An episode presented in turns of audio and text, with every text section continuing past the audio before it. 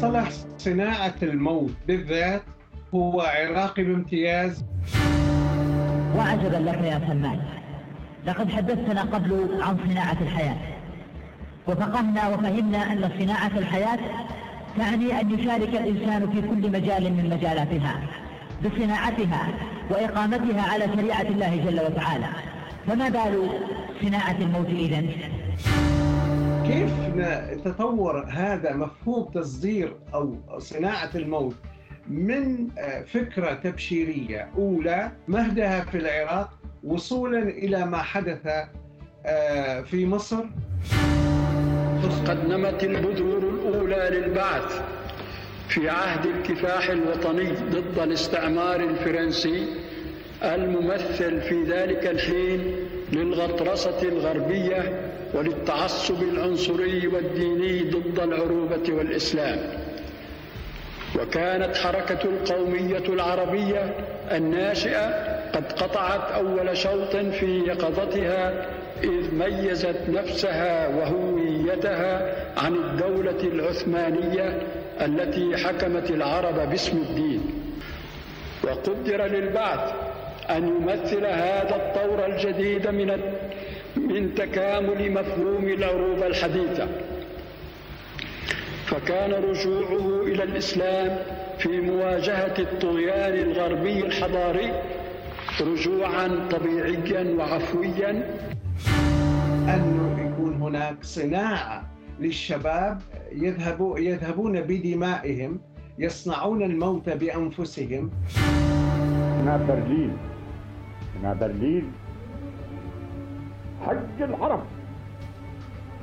السلام عليكم سيداتي أنسات السادتين لقد كانت بريطانيا تسمى سيدة البحار. أما الآن بعد هجوم الغواصات والطائرات الألمانية أصبحت تسمى سيدة قعر, قعر البحار. أيها العرب اركبوا خيولكم وجردوا سيوفكم.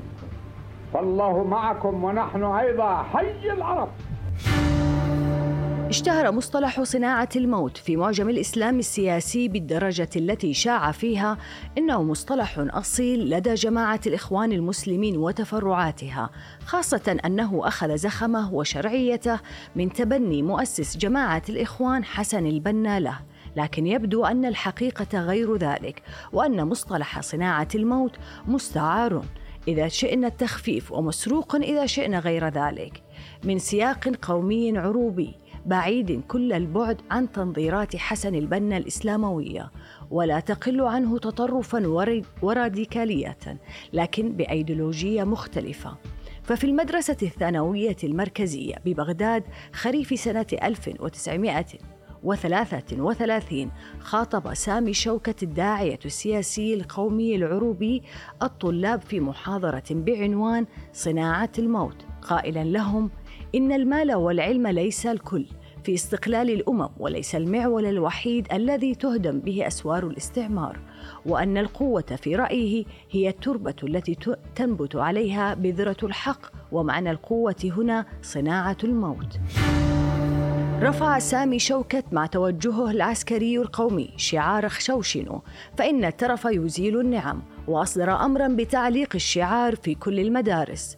بعد سنوات انتحل حسن البنا ذات المصطلح صناعة الموت ليلبس هذه المرة ثوبا إسلاميا هناك من ذهب إلى أن استخدام البنا الأول للمصطلح كان في العام 1934 وروايات أخرى رجحت أن الاستخدام الأول كان في العام 1938 وهو تاريخ نشر كلمة حسن البنا بعنوان صناعة الموت بجريدة النذير التابعة لجماعة الإخوان المسلمين.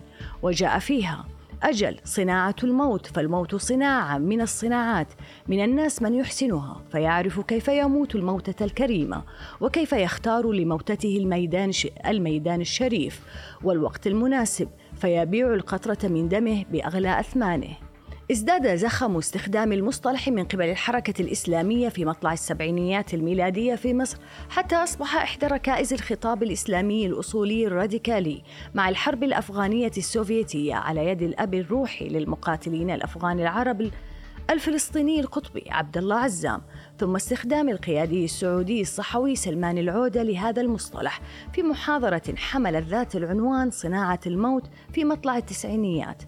استخدام القومي سامي شوكت لهذا المصطلح جاء بعد أن أعطيت القومية العربية والوحدة العربية مضمونا ثوريا عسكريا. بدأ بنظام الكشاف الذي أنشأ الذي أنشأه ساطع الحصري رائد الحركة القومية العربية ومدير المعارف في العراق حينها.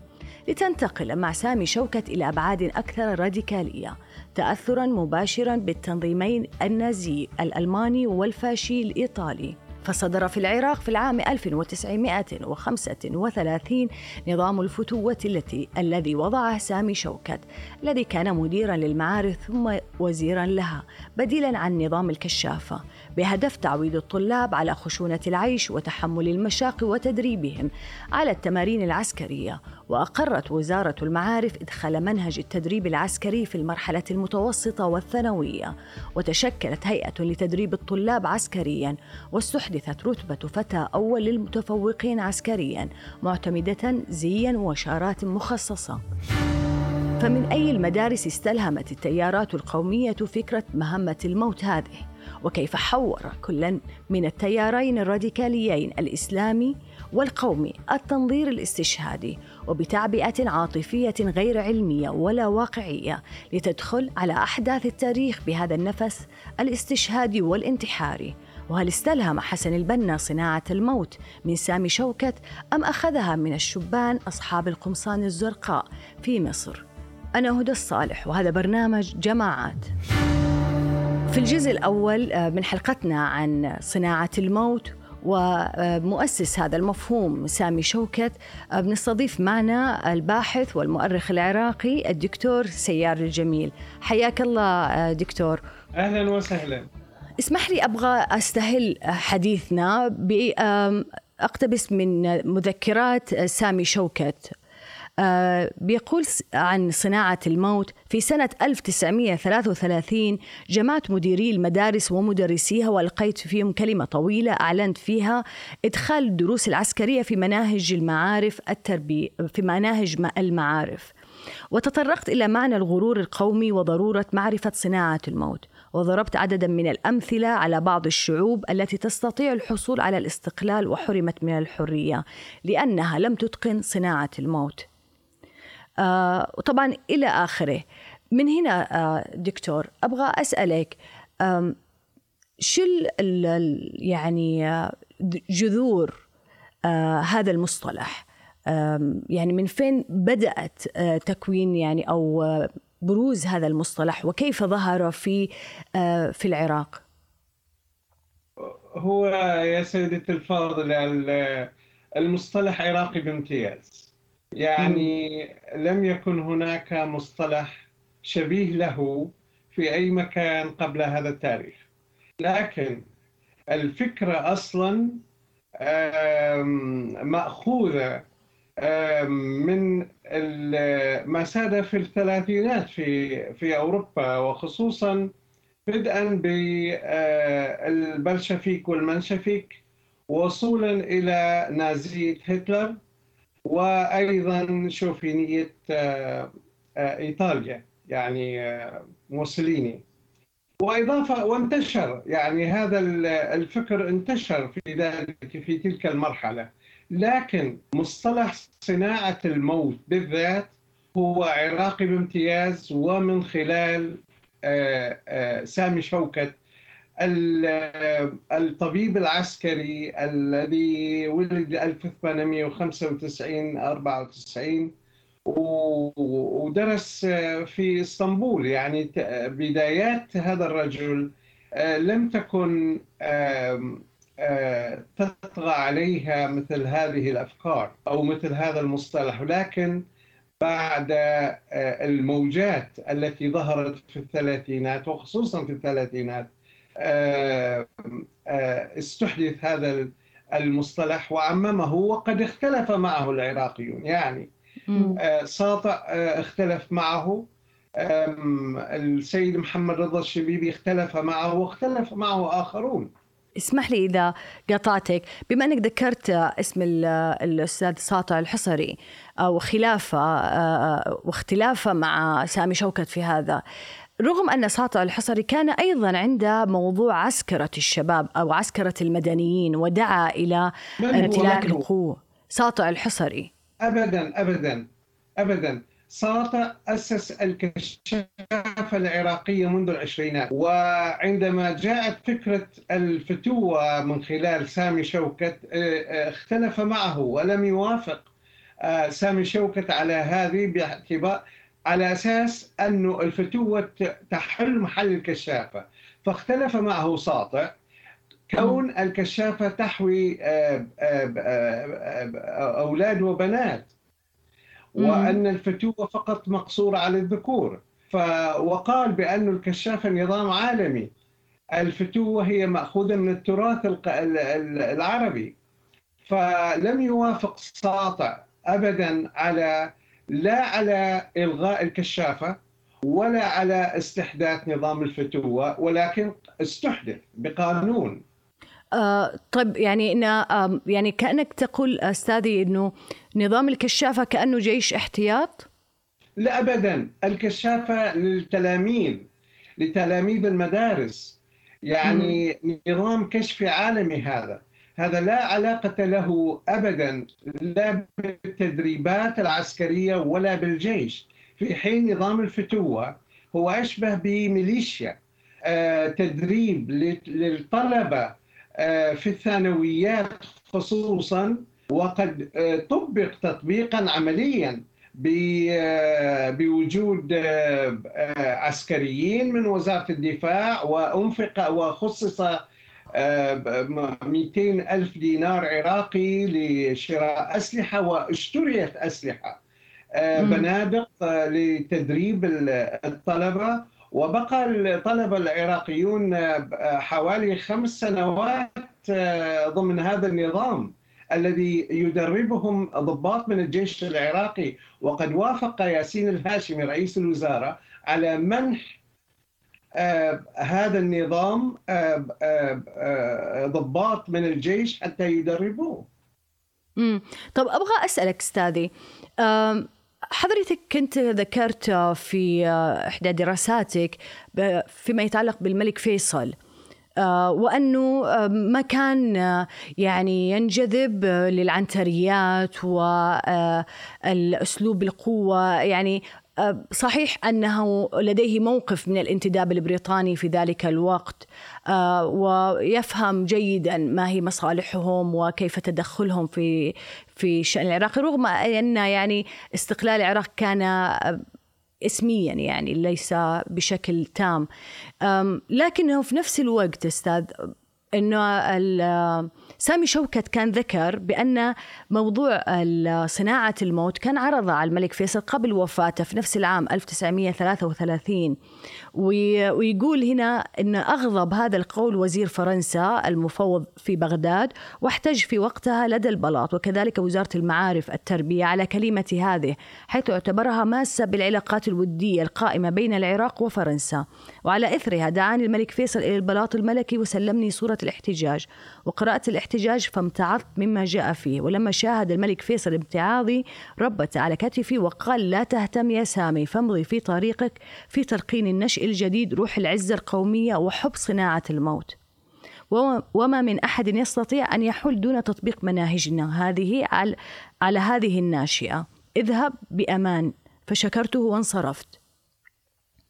ف... من, قال من قال هذا؟ قال هذا سامي شوكت ولم أجد لهذا الكلام أي أي صورة أخرى أو أي حادث أو يدلي بأنه فيصل وافق على ذلك. الفكرة والقانون صدرا في عهد غازي وليس في عهد فيصل.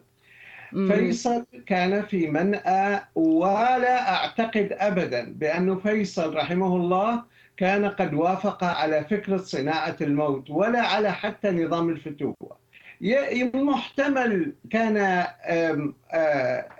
قد أوصل له الفكرة كونها موجودة في التراث العربي القديم منذ العهد العباسي نظام الفتوة ولكن أن يربط على كتف سامي شوكت فلا أظن ذلك. ولكن الحادث حقيقة أن خطاب سامي شوكت وبحضور السفير الفرنسي قد أثار مشكلة بين العراق وبين فرنسا. آه، كونه انتقد فرنسا ومالأ آه، آه، ال- ألمانيا وكانت العلاقات ظهرت العلاقات جدا قوية بين العراق وألمانيا النازية في مرحلة أو في عهد غازي. طب أستاذي خليني أدخل معك هنا في في آم، حسن البنا إذا تسمح لي أستاذي حسن البنا كان آه، أسس ما يعرف بالكشافة باسم آه، باسم الجوالة. آه، ووضع لها هيكلة وتنظيم وهندام خاص. الجوال. الجوالة.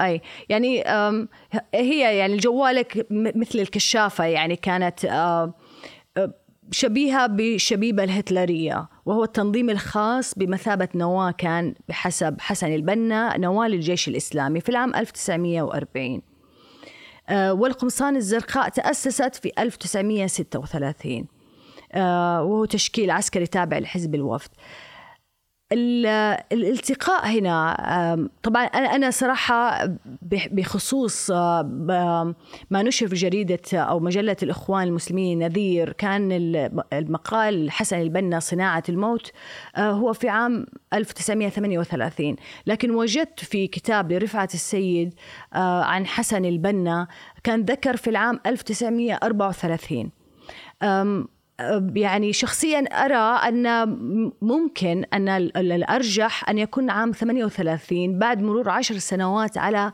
تأسيس جماعة الإخوان المسلمين لأنه لم يكن البنا في ذلك الوقت كان يعني يبغى يظهر بشكل جلي على السطح بهذا التنظيم الخاص أو العسكري. فأبغى أسألك من وين جاء التبني الإسلامي لنفس هذا العنوان صناعة الموت؟ من هل سامي كان- شوكت. من سامي شوكت. ليس من مكان آخر. كيف انتقل له؟ كل كل- آه، التأثر كان كبير جدا من قبل. يعني حتى ال- الحرب العالمية الثانية آه، كان التأثير قوي جدا وصولا يعني إلى حركة رشيد علي الجيلاني بالواحد وأربعين. يقول السادات بأنه نحن كضباط أحرار تأثرنا منذ شبابنا الأول بحركة رشيد علي في العراق عام 41 باعتبارها ضد ضد الإنجليز. أما حسن البنا منذ 1934 بدأ يغير من الطور الأول الذي ظهر فيه عام 28 آه، عندما أسس الجماعة. وبدأ يتبنى الأفكار التي يطرحها العراقيون وخصوصا سامي شوكت في مسألة آه، الفتوة نظام الفتوة ومسألة آه، آه، صناعة الموت وأيضا تأثر العراق بأصحاب القمصان الحمر وال- والسود. كان هناك أكثر من تنظيم باسم جمعية القمصان الزرق وجمعية وجمعية الكف الأصفر. وهناك آه، آه، آه، أسرار تاريخية لم تظهر حتى اليوم في مرحلة الثلاثينات وخصوصا بعد رحيل الملك فيصل الأول عام 1933 آه، التأثر مصر خصوصا بما جرى في العراق عام بعقد الثلاثينات حتى ال 41 كان كبيرا جدا. امم طب يعني آه، في كان أنا ما أدري إذا آه، أمين الحسيني لأن أمين الحسيني كان على اتصال وثيق بمجموعة القوميين آه، في في العراق منهم عزيز علي المصري وأيضا فهمي عزيز عزيز جا عزيز جزائر عزيز جزائر. أما آه، ال- ال- المفتي القدس محمد أمين الحسيني فوصل دوره في العراق إلى أن هو الذي يسير آه، آه، الضباط. القوميين يعني وخصوصا العقداء الأربعة بعد وصوله للعراق ب يعني بمنحة من من آه، رئيس الوزراء نوري با نوري السعيد والوصي عبد الإله عندما حل ضيفا في بغداد مع جماعته ووصل عدد جماعته إلى 500 شخص فيهم الأدباء فيهم النخبة نخبة كبيرة. وكلهم ينقادوا إلى ما يقوله المفتي محمد أمين الحسيني الذي وثق علاقته القوية بألمانيا. ونعرف ماذا جرى في الواحد وأربعين حيث دخل العراق لوحده العراق دخل لوحده في حرب مع بريطانيا إبان الحرب العالمية الثانية. فدور محمد أمين الحسيني كان قوي جدا في العراق. أي أه، في نقطة أنها أه، أمين الحسيني كان عنده ارتباط قريب جدا من حسن البنا فهل ممكن هو يكون حلقة الاتصال أن هذا المصطلح ينتقل من ثم أه، نعم. لم لم أقع على أي شيء إلى حد الآن ولكن من أكبر الاحتمالات أنه كان ولا أعتقد بأن العلاقة تحتاج أي علاقة مع مع هي الفارق القومي الذي ظهر آه. في العراق لأنه مد قومي قوي جدا ومتصلب يصل إلى حد الشوفينيه آه، وبين الاتجاه الذي أظهره حسن البنا آه، في مصر وهو اتجاه إسلامي يختلف اختلافا كبيرا عما كان يسود في العراق. أي لكن لكن كان في في في نفسين في التيار القومي في النفس العلماني الذي كان يجسده ساطع الحصري وفي الجسد آه، أعتذر وفي المكون الثاني اللي كان يرى العروبة يعني لا يوجد حدود فاصلة ما بين العروبة وما بين الإسلام في هذا الإطار فمن هنا كان في تقارب مع التيار الإسلامي في آنذاك. أنا أعتقد أنه المد القومي في العراق الذي وصل إلى حد التعصب الشوفيني آه، كله لم يكن هناك فيه نفس آه، كالنفس الذي ظهر في مصر. آه، لأن هناك جماعة انبثقت باسم الإخوان المسلمين في العراق تتبع حسن البنا. آه لكن هو الأغلبية يركزون على التراث العربي. يعني القوميون في العراق يركزون على التراث العربي بما فيهم آه ساطع. يعني ساطع صح آه علماني وأغلب القوميين كانوا علمانيين لكن يركزون على التراث العربي. وحتى سامي شوكت نفسه في عام في عام 46 47 أظهر قبل أن يظهر ميشيل عفلق على الملأ أسس حزبا اسمه سامي شوكت في العراق أسس حزبا اسمه البعث القومي وأصدر جريدة باسم البعث القومي والتقطها ميشيل عفلق في دمشق و في حين فشل سامي شوكت في تأسيس هذا الحزب.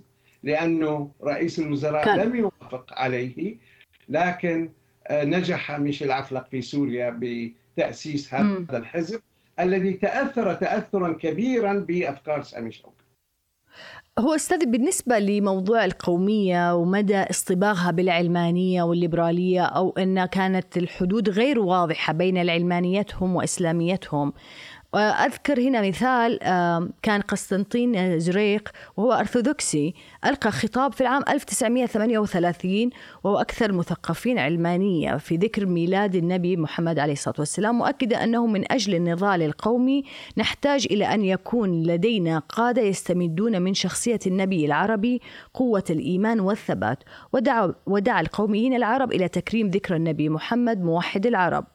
كان هذا قبل خمس سنوات من خطاب ميشيل عفلق الشهير عن ذكر الرسول العربي. آه طبيعي. طبيعي. قسطنطين زريق دوره كبير جدا جدا في تأسيس ال... ليس فقط الاتجاه القومي إنما الحركات القومية. يعني ال... ال... الحركات اللي ظهرت بما فيهم الحركة آه، العربية آه، حركة القوميين العرب. حزب البعث العربي الاشتراكي. كل هذه الحركات مصدرها الأساسي هو قسطنطين زريق والذي كان منظرا آه، أساسيا في بيروت وكان على علاقة قوية بالعراقيين. طب أستاذ لو بنرجع نحن نتكلم على الجماعات الإسلامي السياسي وتبنيها لفكرة صناعة الموت. حتى أنها اصبحت يعني من من عقود وكأنها هي هي الجماعة التي دخلت أرض الجهاد والنضال. يعني آه، رغم أن التيارات القومية هي من آه، ابتكرت هذا المصطلح وهذه الجملة فأصبح اليوم كأنها هي آه، يعني إحدى منتجات الجماعات الإسلام السياسي.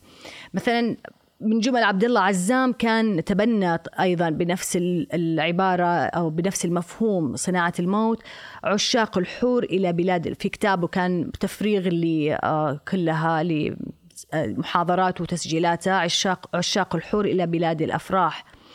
فيقول أقبلوا آه، تمنح لكم عزة الدنيا والآخرة واطلبوا الموت توهب, آه، توهب لكم الحياة. وإن الأمم التي عاشت وسادت هي الأمم التي تحسن صناعة الموت.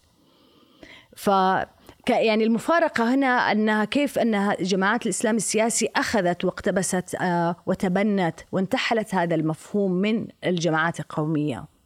طيب آه على مدى خمس سنوات من تأسيس الإخوان بعد 1928 لم يكن حسن البنا. آه، يتبنى مثل هذا المفهوم. يعني كانت الدعوة مسالمة في البداية ولكن تأثره بصناعة الموت العراقية التي أظهرها سامي شوكت والجماعة التي معه. وصولا إلى 41 واستلهم هذا المصطلح وروجه تطبيقيا. لكن مع ذلك يبقى يبقى آه، نفس الإخوان في المرحلة الثلاثينات آه، زاد التبشير بالعنف ولكن ليس كما ظهر بعد ذلك على أيدي سيد قطب وجماعته. أظهر العنف بطريقة أكثر ظهر بشكل أكثر باستخدام الاغتيالات. آه سواء في الأربعينات أو الخمسينات. ثم انتقل بعد ذلك إلى آه العنف العلن يعني ما سمعته الآن عن عبد الله عزام هذا أصبح آه آه في طور الإرهاب. يعني آه، حالة متسلسلة متطورة نحو العنف والعنف الأكثر آه، ضراوة. كيف تطور هذا مفهوم تصدير أو صناعة الموت من آه، فكرة تبشيرية أولى مهدها في العراق وصولا إلى ما حدث في مصر خصوصا وانتشاره ذلك من خلال الإخوان المسلمين في معظم البلدان العربية. لا أقول في كلها لكن في معظم أو أغلب البلدان العربية لكن الجماعات أخذت منحا آخر هو منحى الإسلام السياسي وليس منحى الأصل اللي هو القومية الشوفينية. فما ظهر في القرن العشرين يحتاج هو ما زال يحتاج إلى المزيد من التحليلات والمقارنات آه، لأن لا يكتفي بدراسة الظاهرة في زمنها المعين في عقد معين واحد. لكن آه، بدءا بجذورها وتأثر تلك الجذور بمن؟ ثم تسلسلها عبر المكان والزمان لنرى ما حل في نهاية القرن العشرين من كوارث. طب أستاذ بالنسبة آه، يعني إحنا مثلا في في الفترة العشرينيات آه، كان هناك تأثر كبير بالمدرسة الألمانية. في هيام كبير بالمدرسة آه، الألمانية. وكان له مبررات أنهم أول شيء كانت الدولة العثمانية هي يعني في الثلاثينات ولا في العشرينات؟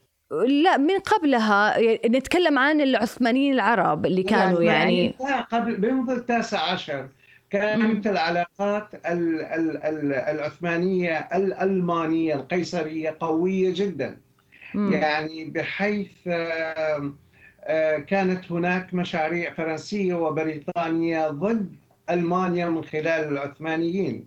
لقطع الطريق على إيصال آه، أو وصول الألمان إلى ال- الخليج يعني من خلال بناء خط آه، سكة حديد بي بي بي برلين بغداد البصرة.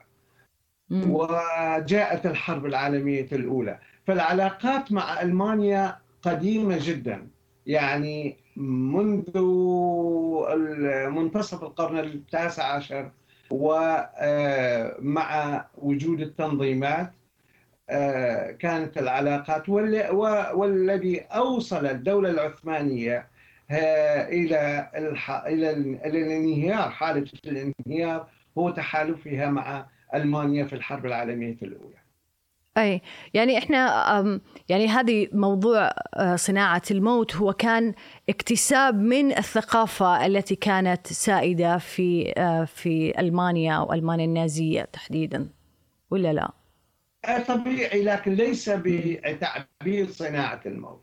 ليس. بتعبير صناعة الموت. ولم يأتي تأتي يأتي تعبير صناعة الموت مثلا بالشهادة يعني كأن يكون طريق الشهادة. لا. عنوان أصر سامي شوكت عليه هو صناعة الموت. إيش كان بالضبط يقصد فيه خاصة من كتابه هذه مفاهيمنا فمن آمن بها فهو مع أو م- منا أو معنا. إيه، لو تقرأين آه، آه، خطابات هو ال- ال- ليس مؤلفا بالذات لكن هي خطابات أو مقالات جمعها في كراريس. آه، مثلا هو يبحث عن شرف الأمم. يعني ليس هناك أهم من المال والعلم يصون شرف الأمم ويحول آه، دون الذل والاستعباد. ما هو أنه يكون هناك صناعة للشباب آه، يذهبوا يذهبون بدمائهم يصنعون الموت بأنفسهم لكي يحققون شرفهم أو شرف الأمة. هذه. الفكرة الأساسية يعني حتى لو كان صناعة الموت بالحديد والنار أقرها سامي شوكت يعني آه، دون الموت تحت السنابك كما يقول الخيول و آه، آه، تحت نكون تحت أحذية الجند الأجنبي وما شابه ذلك يعني لم يدع أي طريق لا يعرف المفاوضات ولا يعرف طريقا للسلم لكن هو في عقليته أن الأمم لا يمكن أن تحافظ على شرفها إلا من خلال الموت أو صناعة الموت والموت لا يعرفه الشباب إلا إن كان إلا إن كانت الدولة تصنعه لهم وهذا ما. تحقق يعني على مدى تاريخ طويل في القرن العشرين وإلى حد الآن في العراق الموت رخيص يعني جدا مع الأسف آه، لأنهم لا يتبعون طريقا غير هذا الطريق. طب هو بالنسبة له صناعة الموت هل هي الاغتيالات؟ هل هي آه، يعني ميليشيات تكوين ميليشيات؟ شل يعني حط نوع العمليات مثلا أو المطالب للشباب هو من خلال نظام الفتوة يعني. يدرب الشباب على الموت. يلقنهم آه، طريق الشهادة. آه، يعلمهم كيف يتدربون لكي يذهبوا إلى سوح الوضع آه، لا سبيل أمام أي بلد مستعبد إلا بصناعة الموت. هذه فكرته. يعني هو يستخدم الطريقة آه، بتبرير مثالي جدا. مم. آه، ولكن بثمن غالي يعني ثم- أي- الدماء أي. أثمن شيء يملك الدم هو أثمن شيء يملكه الإنسان صحيح فيقول الحي... إذا كانت الحياة حق فالموت أيضا حق مم. طب أستاذي بالنسبة لسامي شوكت كان حدث آه، يعني كانت في خصومة شديدة بينه وبين الأحزاب الوطنية التيارات الوطنية وقتها آه، أبرزها كانت الحزب الوطني الديمقراطي أو التيارات اليسارية. أبغى آه، بس أذكر شيء هنا. كان ذكر آه، الأديب علي جواد الطاهر وطبعا هو الملقب بشيخ النقاد عن آراء سامي شوكت. يتحدث بألم وسخرية وقال ننتهي من الفتوة من عمل كان مضيعة للوقت منذ ثلاث سنوات استجابة لرأي متمكن لسعادة مدير المعارف العام. صاحب هذه أهدافنا من آمن بها فهو منا. ورافع شعار اخشوشنوا فإن الترف يزيل النعم. ينشر في مدارس من الفقر المدقع بحيث لم تعرف للشعار معنى. ويعود إلى الشعار العسكري في موضع آخر ساخر بعد أن رأى رأي العين الوضع المزري للمدرسة القروية التي عين فيها في, آه، في 1940 فتضحك ضحكا مرا. سوري. طبعا آه، آه، علي جواد طاهر بيرجع يعني بي- بيسخر من وضع المدرسة اللي كان تم تعيينه فيها. ووضعها السيء فيقول فتضحك ضحكا مرا وتفضل لأول مرة انعو انعوعموا بديلا لإخشوشنوا أن سعادة المدير العام المنعم في بغداد لم يخرج يوما ليرى ما عليه قومه من ضنك وخشونة عيش. وشغله شاغل وشغله شاغل من الترف الذي هو فيه وإعلان يكرره أن هذه أهدافنا. فما أهدافك يا صاحب السعادة؟ إن لم تكن مطلعا على معاناة قومك. فإيش رأيك في حديثه في هذا ال- الجملة الساخرة؟ يعني بدا يعني إنه شاف انه يطالب الناس بأن يخشوشنوا وهم بالأساس ليست لهم مقومات. وشو طبيعة الخلاف لو بإيجاز مع التيارات اليسارية في ذاك الوقت؟ شوفي سيدتي آه، العراقيون لم يتفقوا. يعني آه،. هذا من طبعهم. أنهم يخالفوا دائما. لكن آه، سامي شوكت عاش طويلا يعني توفي عام 1987 آه، صحيح. بال 1895 94 آه، لكن من خلال آه، زمني طويل أنا أراقب أحوال هؤلاء. المثقفين وقد كتبت عنهم في كتابي انتلجنسيا العراق تاريخ النخب مم. العراقية. وجدتهم يعني سامي شوكت كان له أنصاره أيضا. آه، ليس هناك كل اليسار ضده. بعض. اليساريين ضده. بعض من تأذى من آه، قراره هذا بالفتوة لأن الفتوة هي تدريب. يعني نظام الفتوة آه، كما سألت أكثر من آه، آه، ذهب راحلا يعني. سألتهم عن هذا النظام. قال هو نظام تدريبي. يعني في فترات محددة يدربون على السلاح ونشبع بالخطب لكن لم يجري على الأرض آه، قتال بحيث صنعوا الموت بأنفسهم. بعدين سامي شوكت الخلاف الأساسي ضده كان طبقيا لأنه هو من مساليل عائلة من الحكام المماليك في في بغداد منذ القرن الثامن عشر. فهو سليل أسرة أرستقراطية. لكن هؤلاء ضده ليس لي من ضد فكرة صناعة أفكاره ولكن ضد طبقي طبقي طبقيته. آه بعدين آه آه لا يستطيع سامي الشوكة أن يزور كل مدارس. آه فهنا آه الدارس يجب أن يكون موضوعيا. في. أن لا ينكل بطرف على حساب طرف آخر وأن يتحرى الحقيقة في دراسته مثل هذه المواضيع الحساسة وهي كثر يعني المواضيع في العراق مثل هذه ليست واحدة مم. واثنتين هي كثيرة جدا آه، آه، سامي شوكت بإعلان هذا مثلا أنا لست معه لست مع صناعة هذا الموت لأن هناك وسائل أخرى للتباحث آه، عندما يتحكم عقل الإنسان. لكن إشاعته بمثل هذه الطريقة خسر كثيرا يعني خسر سياسيا ولم يتفق معه الجميع. يعني الحكومات أغلبها لم تتفق معه لكن وفترة ازدهاره هو إلى 41 بعد ال 41 اشتغل سياسة ولكنه لم يوفق علما بأن آه، أخوه الأكبر ناجي شوكة رئيس وزارة وسفير العراق المشهور في تركيا لمدة طويلة في عهد فيصل وأخوه صائب الطبيب آه، صائب هو طبيب وأخوه صائب طبيب الأصغر آه، له فضل على الكلية الطبية وعلى الطب في العراق. وحتى سامي له أفضال كثيرة كما يقول من زامله من الأطباء ساهم كثيرا في الجمعيات الطبية وساهم كثيرا في كلية الطب وكألقم وله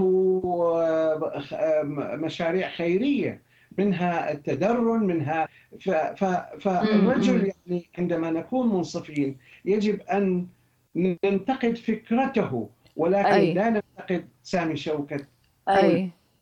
طب أستاذي في البعض من بيشوف إن مفهوم صناعة الموت اللي وضعه سامي شوكت كان من أبلغ وأبكر النصوص العربية في التعبير الرومانطيقي أو الرومانسي العنيف والإرادي والأعمى عن كل واقع. آه، وأن رغم أن هذا المفهوم لم يتخ يعني لم يغب عنه البعد العلماني بهذا الشكل. فهل هل تتفق مع هذا أنه يعني تجسيد مبكر للعنف الرومانطيقي مثلا؟ آه، هو الفكرة الفكرة كلها رومانسية. يعني آه، الفكرة لم تأتي هكذا. في تواريخ عديدة أنا أقرأها عند الشعوب. لكن حتى إن أتت فليس بمثل هذا التعبير الذي يثير النفس يثير المشاعر. يعني وتعرفي أن الإنسان أكثر شيء يخاف منه هو الموت. فأن أن أن أن يكون هناك تنظيم يتبنى مثل هذه الصناعة ضمن تبريرات. ولا أستطيع أن أقول كلها علمانية لأنه حتى العلمانيين من ضمنهم سامي شوكت استخدم التراث الإسلامي استخدم الآيات القرآنية استخدم الإنسان وسيلة لتبرير فكرته واتجاهه. آه، آه، هي مرحلة مرحلة سادت فيها. آه، مثل هذه الأفكار ليس فقط في العراق وإنما آه، في أوروبا كما نعلم. والتي كانت نتيجتها الحرب العالمية الثانية. وبعد الحرب انتهى انتهت مثل هذه الأيديولوجيات نهائيا. طب اسمح لي أستاذ تظهر اتجاهات وأيديولوجيات جديدة. طب أستاذي آه، كان الأستاذ حازم صغية في كتابة آه، رومانطيقيو المشرق العربي ذكر في هذا المعنى لن يكون من المبالغة وصف تنظيم الدولة أو داعش بوصفه التتويج والخلاصة المنطقية للانسلاخ عن الواقع الراهن وتاليا لأكثر أشكال رومانطيقيه راديكالية ووحشية وابتذالا في آن معا. بحسب هذا التوصيف ما أدري إلى إلى أي مدى إن ممكن نعتبر بغدادي داعش وقبل الزرقاوي وبن لادن أبرز تجليات الرومانسية في العصر الحديث. لا هو آه، أنا وصفت آه، ما سبق الحرب العالمية الثانية آه، بهذه الاتجاهات الرومانسية حتى ولو كانت عنيفة. وما أعقب الحرب العالمية الثانية كان الأكثر رومانسية بولادة. اتجاهات جديدة أيضا تخاطب اللاواقع يعني تزر... تبث شعارات لا يمكن تحقيقها أبدا لكن ما جرى بعد ذلك على يد الإسلام السياسي بالذات آه، فكان فأعتبره كارثة وليس وليس أمرا رومانسيا لأنه إذا كان ذلك مقتصرا على اتجاهات سياسية فهنا فهنا قد أوغل المجتمع كله ليست فقط التيارات السياسية كل المجتمع يريده أن يذوب في مثل هذا الجحيم. أو بمثل وصول إلى هذه لا لكن إذا أخذناها من من منطلق المفاهيم اللي يتبناها الإسلام السياسي اللي هي اليوتوبيا يعني آه، الخلافة والحكم بال ب- بما أنزل الله ويعني عرفت المبادئ حقتهم ال- المثالية هذه. البعض بيشوفها متقاربة مع نفس المبادئ اللي حملوها القوميين العرب آه، بأنها تكون أمة واحدة أمة عربية من المحيط إلى الخليج بنفس الإطار هذا. لا لا لا ليس بنفس الإطار. ليس تختلف تماما. يعني. هو المد القومي الذي ظهر منذ الثلاثينات وصولا إلى 79 يعني أنا مم. آه، نشرت ذلك. ال 79 هي ال- الحد الفاصل ما بين مد قومي سادته عدة اتجاهات قومية وبين مد الإسلام السياسي. لأن الإسلام السياسي كان يمثله آه، الإخوان وحزب التحرير مم. آه، الإسلامي. لكن بعد التسعة وسبعين وهي أخطر سنة ظهرت في القرن العشرين. أخطر سنة هي 1979 آه، بدخول السوفييت إلى أفغانستان وبدء ال- ال- الحرب معها. وصول ن- تأسيس نظام الخميني. باسم الجمهورية الإسلامية بتسعة وصول صدام حسين للسلطة. آه، عديد آه، آه، آه، جهيمان في آه، في المملكة. آه، كلها بالتسعة وسبعين. انساق المجتمع معا إلى حالة أخرى إلى إلى آه، ظا- ظاهرة جديدة وأصبح ال- أصبحت الحركات القومية والتاريخ القومي كله وراء الستار. إذا طب اسمع. تختلف تختلف آه، ال- التموجات الإسلامية العنيفة التي ظهرت بعد مم. 79 وولادة التنظيمات الكثيرة جدا مم.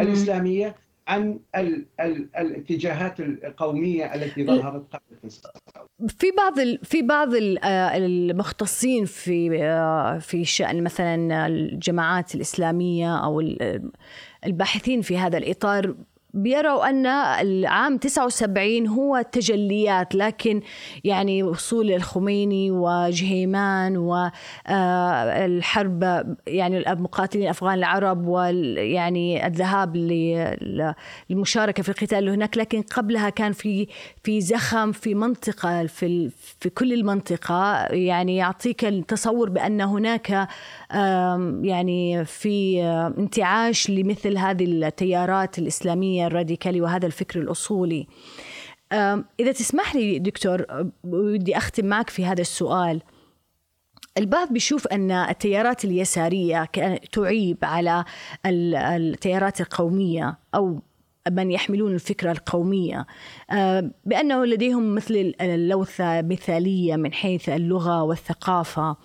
وكان هذا يعني منزلق لدى ال- اليسار بأنه انتقاص من جانب اللغة والثقافة والتكوين النفسي والشعور القومي. يعني باعتبار أنها معبرة يعني عن موقف مثالي يعني مش واقعي. فهل يستطيع اليساري استيعاب المسألة القومية؟ ليس في كل المناطق. يعني هو الصراع القومي الأممي معروف بين ال- اليسار وخصوصا الشيوعيين وبين القوميين وخصوصا في منطقتنا العربية. لكن هناك مناطق لا موجود فيها موجودة النزعة القومية عند أغلب اليسار والماركسيين. لكن تجلى الصراع بين اليسار وبين القوميين في العراق أيضا وخصوصا بعد الحرب العالمية الثانية. ووصل إلى حد الصراعات الدموية في الشوارع في أي مكان. فلا أستطيع أن أقول أنه هناك تلاقي أصلا في الفكرة بين القوميين وبين اليسار. علما بأن القوميين أخذوا من اليسار الكثير وادعوا بأن هناك يسار. هناك من آه، يعني التيار اليساري عادة ما يعني بيرى أن الأحزاب القومية أو القوميين دائما ما يصفها بأنها شوفانية وأنها آه، يعني آه، فاشية ويعني لديها عنصرية فهل هذا صحيح ينطبق على كل الآراء القومية في ينطبق عليها أنها تكون كلها فاشية؟ ابدا ابدا. يعني يعني هناك العديد من القوميين كانوا ناس طبيعيين يعني صح؟ يعني ساطع مثلا لم يكن صح كان عنيدا كان مؤمنا بالقومية العربية ولكن ليس متكلسا وليس ذاهبا في طريق اللعب بالعكس آه، استفادت منه مؤسسة المعارف العراقية أو أو مؤسسة التربية. والجامعة العربية كمان. آه، ماذا بها الجامعة العربية؟ كان كان هو مس... مس... رئيس دائرة الثقافة في الجامعة آه، العربية. صحيح صحيح. مم. يعني هذا مؤسس. لكن مم. لكن بالنسبة للفرق الأساسي في التفكير القومي واليساري أنه التفكير اليساري هو أممي والتفكير القومي هو قومي. في في كان بعض القوميين من يعني ينتقد التيار اليساري فيقول لا أنتم تبنيتم شعار آه، يا عمال الأرض اتحدوا فكيف تكونوا يعني آه، أمميين ويعني تستنقصوا من أن يكون هناك بعد قومي لدى آه، يعني العرب؟ لم لم أفهم طبيعة السؤال علما بأن أغلب الأحزاب القومية التي أطلقت على نفسها ثورية استفادت من اليسار. يعني استفادت من الاشتراكية و التأميم وتجارب عديدة أخذتها من اليسار. أي ليست من من عندها من جيبها. آه لكن اليسار لكن اليسار لا يؤمن بأن هناك قومية عربية أو يمكن أن تؤسس عليها دولة واحدة من المحيط إلى الخليج يعني ممكن أن طروحات معروفة يعني في أكثر من مكان. أي يقولون يمكن أن نتحد كونفدراليا يعني تبقى الدول. أي أي واضح ويكون هناك مجلس اتحادي. آه شكرا جزيلا دكتور شكرا يعطيك ألف عافية. أشكركم شكرا لك. وتحياتي إلى شكرا. جميع الأصدقاء. وهكذا تنتهي حلقتنا أعزائي المستمعين والمشاهدين مع الدكتور سيار الجميل اللي تحدثنا معه عن مفهوم صناعة الموت وبواطنه. وفي الجزء الثاني بإذن الله بنكمل حديثنا عن آه سامي شوكت ونحاول نعرف فيه وأبرز الأحزاب التي أنشأها وطبيعة علاقته بالتيارات آه التي كانت في العراق آنذاك. هذا جماعات وأنا هدى الصالح.